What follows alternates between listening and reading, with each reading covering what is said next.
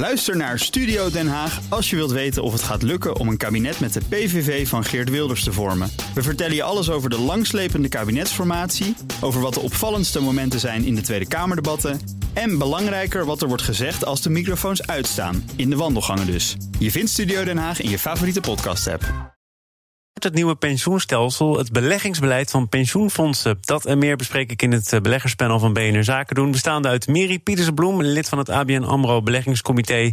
en ook bijzonder hoogleraar Financiële Markten aan de Erasmus School of Economics. Koen Bender, directeur van Mercurius Vermogensbeheer... en mijn zakenpartner van vandaag, Elske Doets, directeur van Doetsreizen. Welkom allen.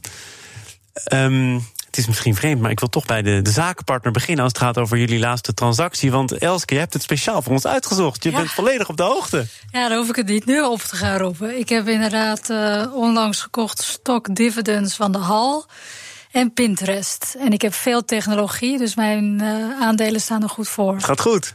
Ja, en waarom deze twee? Ja, ik laat mij natuurlijk adviseren. Dus, uh, maar goed, ik, ik, ik zet heel erg in op, op technologie. Ja.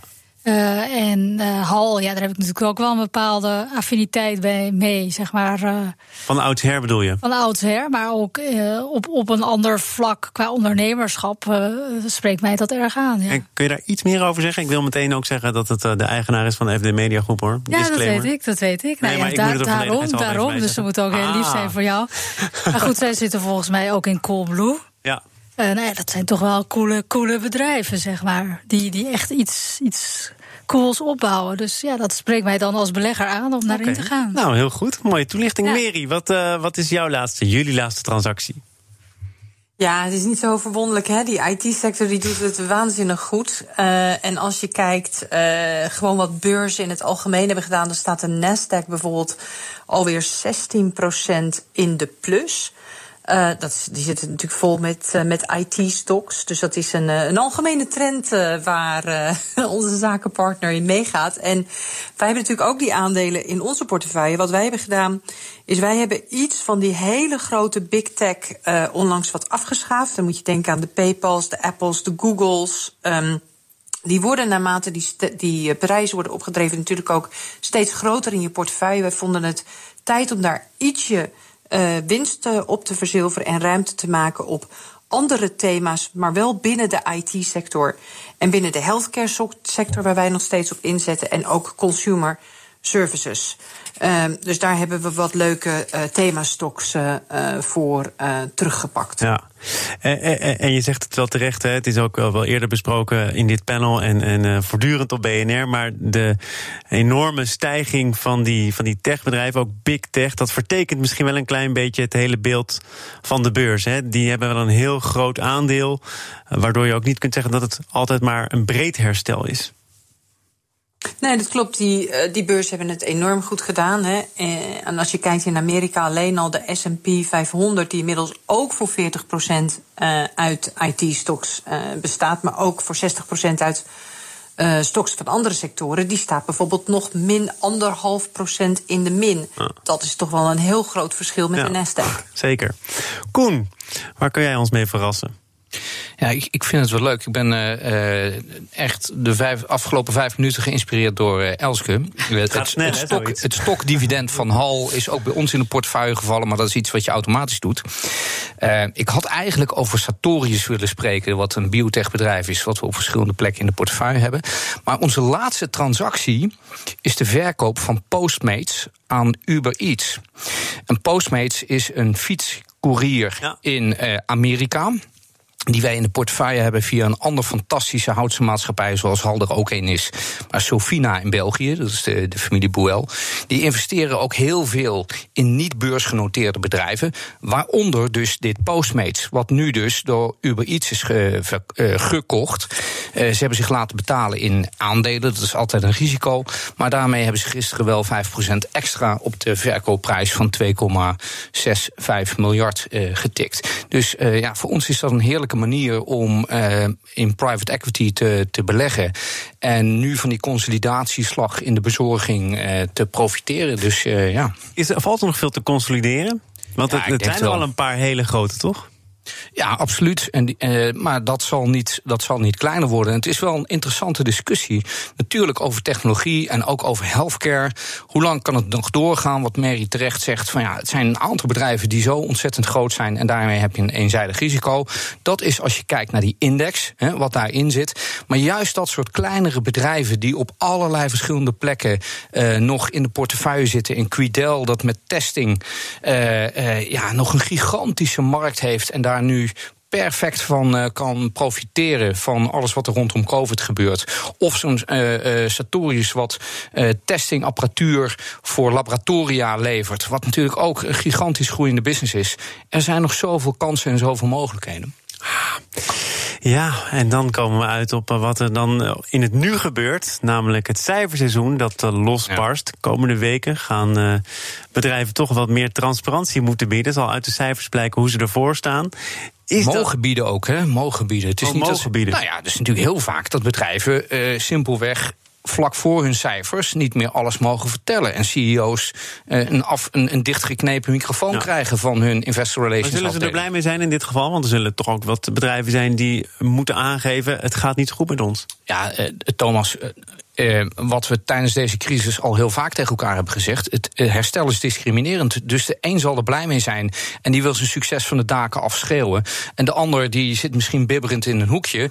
En de derde die is zichzelf aan het herpakken. En die wil graag die nieuwe kansen uh, communiceren met de markt. Ja. Wat verwacht jij van dit cijferseizoen, Mary? Ja, dat, uh, nou ja, de cijfers in het algemeen zullen uh, heel erg laag zijn. Maar de verwachtingen zijn ook al heel erg laag. Hè? Uh, dus als je kijkt naar bijvoorbeeld cijfertjes van uh, Refinitiv, die geven aan dat voor de S&P 500 ja, de winstverwachting, uh, dat er 43% lagere winsten zullen zijn voor die hele index. En de omzet met 12% zal dalen. En voor de stocks is het plaatje ongeveer hetzelfde. Dus die verwachtingen zijn heel erg laag. Daarom zijn er ook nu een aantal analisten die zeggen van nou, het, het zou daarom wel eens kunnen meevallen. De vraag is dan weer wel of dat uh, de, de aandelen rally die we hebben gezien, het gaat vandaag ietsje minder, maar in het, algemeen, in het algemeen hebben we natuurlijk toch een hele sterke opwaardering van aandelencijfers zien. Uh, gezien. Of dat dan nog verder aandelen, uh, aandelenprijzen omhoog zou kunnen stuwen. Dat is natuurlijk wel een belangrijke vraag. Ja. En wat een hele belangrijke vraag is, is ja, wat gaan, hoeveel bedrijven uh, durven zich inderdaad uit te spreken? Hè, waar je het net even over had met Koen. In het afgelopen kwartaal was het toch 80% van de SP 500 bedrijven die geen verwachtingen hebben durven geven.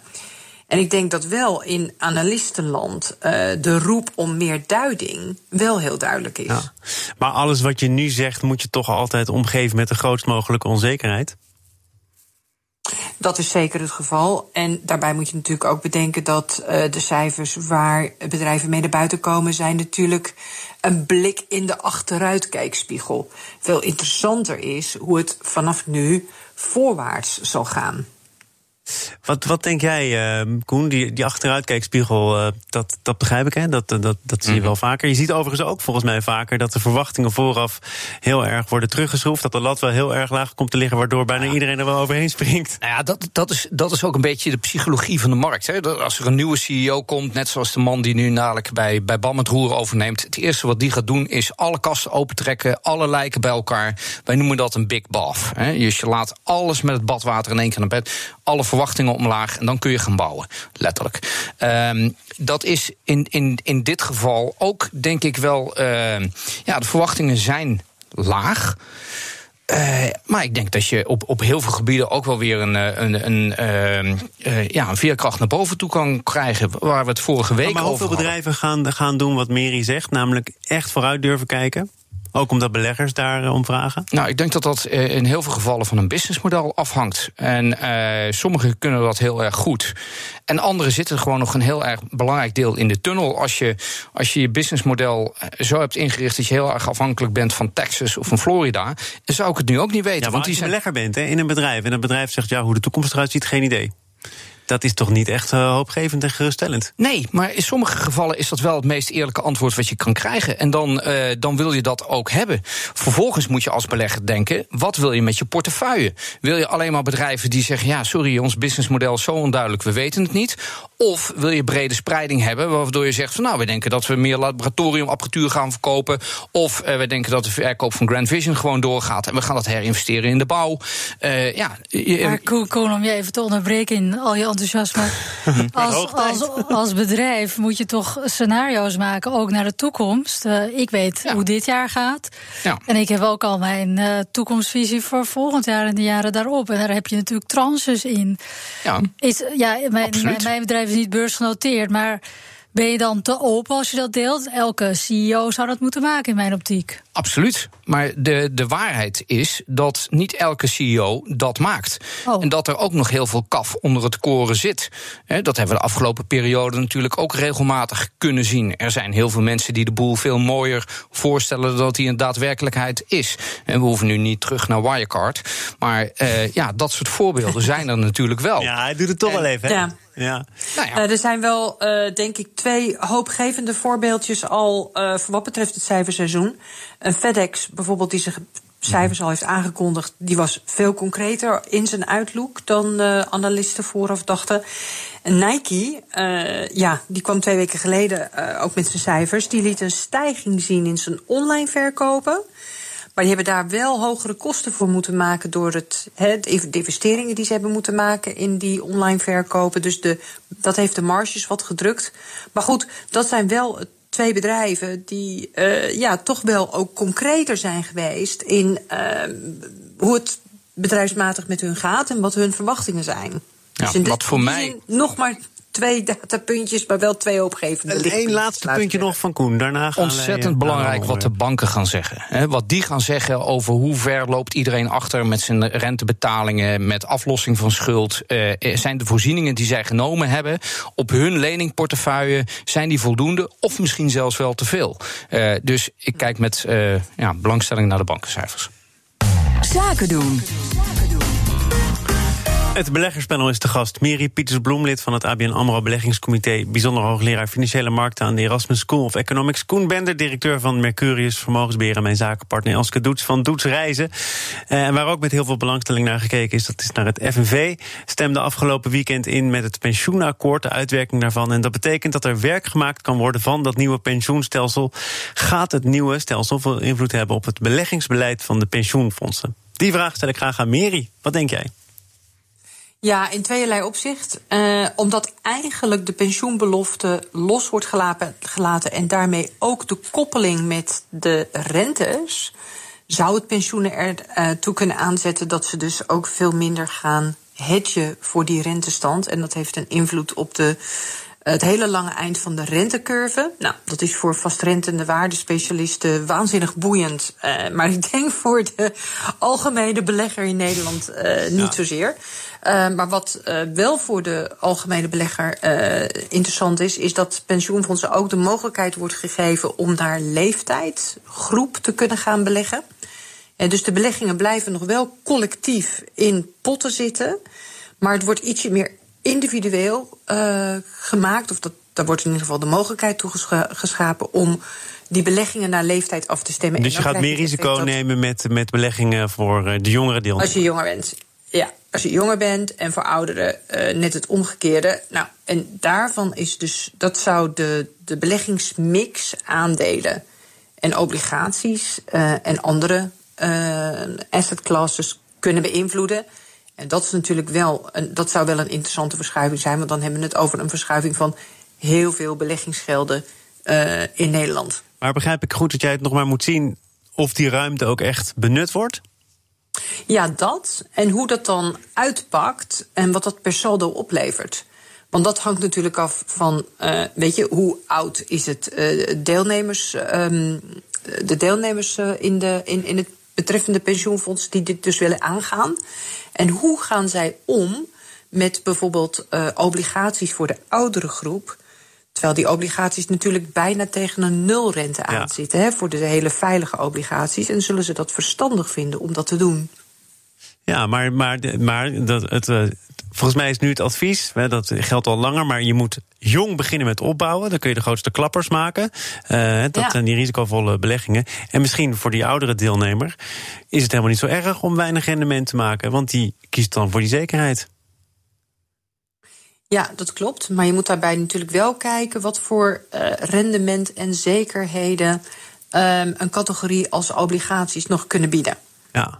En, dus, en, en pensioenfondsen zouden er verstandig aan doen om daar heel goed over na te denken wat dat ook betekent. Uh, met name voor die oudere groep.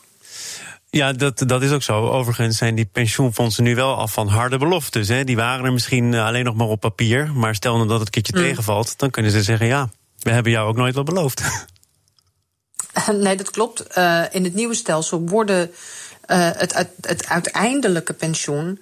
Um, ja, dat wordt veel meer afhankelijk van wat de beleggingen gaan opbrengen. Dat klopt. En daarvan worden deelnemers individueel.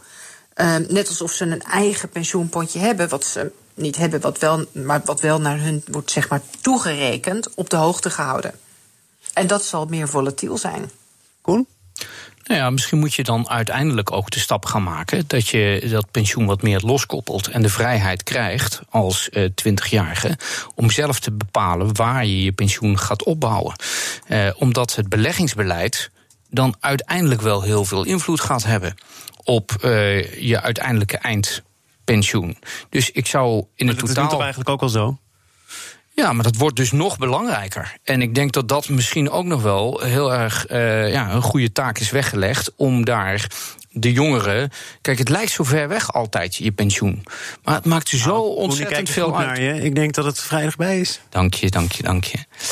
uh, het is ontzettend belangrijk welke keuzes je daarin maakt. En, en hoe laat je daarmee begint. Of hoe vroeg. Hè? Hoe eerder je begint, hoe belangrijker het is. Dus ik zou eigenlijk zeggen: dit, dit hele pensioenakkoord is heel goed nieuws voor de jongeren.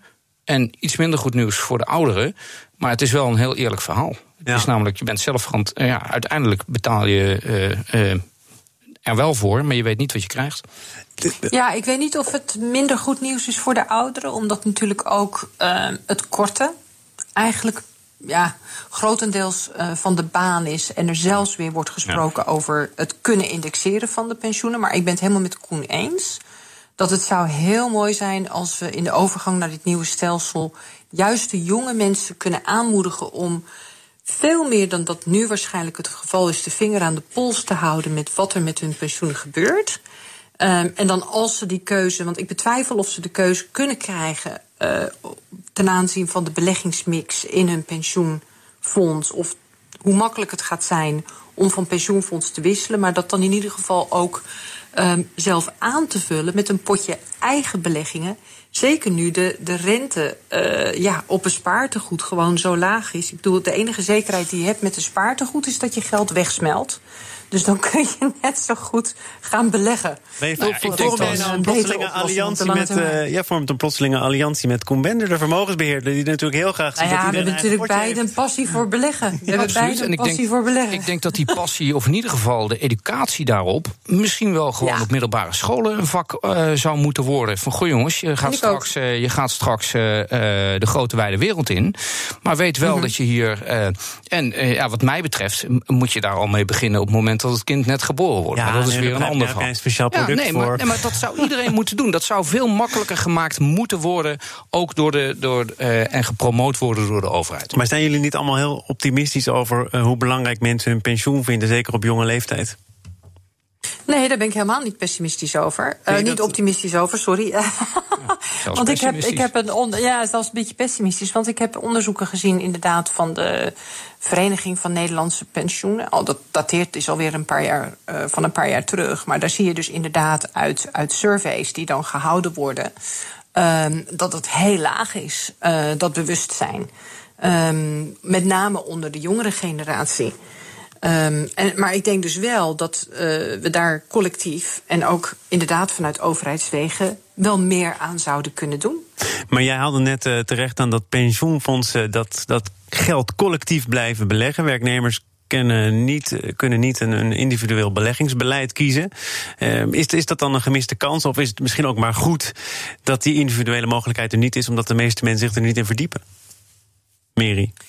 Ik denk dat collectief beleggen nog steeds per saldo uh, goed is, omdat het uh, heel veel schaalvoordelen oplevert.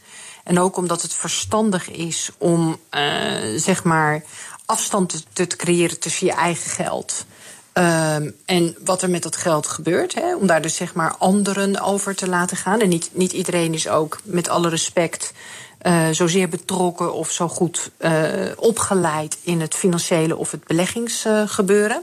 Dus ik denk dat het goed is om dat professioneel en collectief te doen. We maken wel een stap.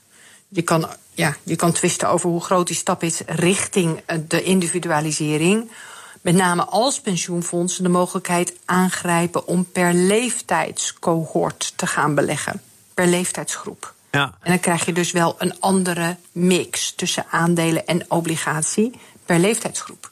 En dan nog vind ik dat je daar de vrijheid in moet hebben om te zeggen: ik kies voor die, die of die partij. Oké, nog, uh, nog één kwestie. Uh, die, die, die rekenrente die is uh, van de baan. Um, daar komt nu het projectierendement voor terug. wordt dat heel technisch als ik dat nog even aan jullie vraag wat het grote verschil is? Nou, het grote verschil is natuurlijk dat de projectierendement is een uh, samengesteld rendement van de, uh, de rentestand in de, in de economie en een verwachte uh, rendement op je, op je beleggingen. En die ligt dus iets hoger. Dus men, er wordt gesproken over een projectierendement van ongeveer anderhalf procent of iets dergelijks. Dat is hoger dan de rekenrente nu. En dat zou betekenen dat de verplichtingen minder zwaar worden. Die, die rente, dat is uh, zeker voor pensioenfondsen natuurlijk waar het om draait. Dalende rente, uh, daar kun je tegen, tegen indekken, tegen verzekeren. Moet dat nu nog of niet? Dat kan. En daar zullen uh, uh, pensioenfondsen de keuze inhouden of ze dat uh, willen of niet. Het hangt denk ik ook, dat, dat zal heel erg van pensioenfonds tot pensioenfonds verschillen. En ook wat ze eigenlijk tot nu toe met hun renteafdekking. Maar hadden het niet, al, hadden ze het niet eigenlijk allemaal collectief moeten doen de afgelopen periode? Ja, hadden hadden is altijd makkelijk. Ja, hadden hadden. achteraf, kijk je, achteraf hadden wij ook precies op, wat was het, 25 maart, allemaal vol in de Nasdaq moeten gaan. Snap je? Ja, ik bedoel, dat is natuurlijk dat is heel lastig om dat, uh, om dat te bepalen. Um, uit prudentieoverwegingen is die rente natuurlijk ook wel grosso modo grotendeels afgedekt. Maar het verschilt wel van fonds tot fonds. Hadden, hadden, hadden. We hadden nog heel veel meer kunnen bespreken, waren er niet dat de tijd het mij niet toestaat. Ik ga jullie bedanken. Mary Pieters-Bloem, lid van het ABN AMRO Beleggingscomité... bijzonder hoogleraar Financiële Markten aan de Erasmus School of Economics. Koen Bender, directeur van Mercurius Vermogensbeheer. En mijn zakenpartner van vandaag, Elske Doets, directeur van Doetsreizen... schrijver van het boek Bloei, te koop in de boekhandel. Toch? Zeker weten. Neem ik aan, heel goed. Ja. Morgen dan is er weer een uitzending van BNR Zaken doen. Dan spreek ik de topman van AgriFirm over wat er allemaal op het spel staat voor de boeren en het eh, toekomstige beleid, beleid van toekomstige coalities. Daar valt nog heel veel over te bespreken. Zometeen is het eerst tijd voor een nieuwsroom, onze dagelijkse podcast van het FD en BNR, gepresenteerd door Mark Beekhuis. Veel plezier, tot morgen. Ook Hugo Reitsma vind je in de BNR-app. Superhandig die BNR-app. Je kunt alle programma's live luisteren, breaking nieuwsmeldingen. Je blijft op de hoogte van het laatste zakelijke nieuws. En je vindt er alle BNR-podcasts, waaronder natuurlijk de belangrijkste, Boeken zijn in de wijk. Download nu de gratis BNR-app en blijf scherp.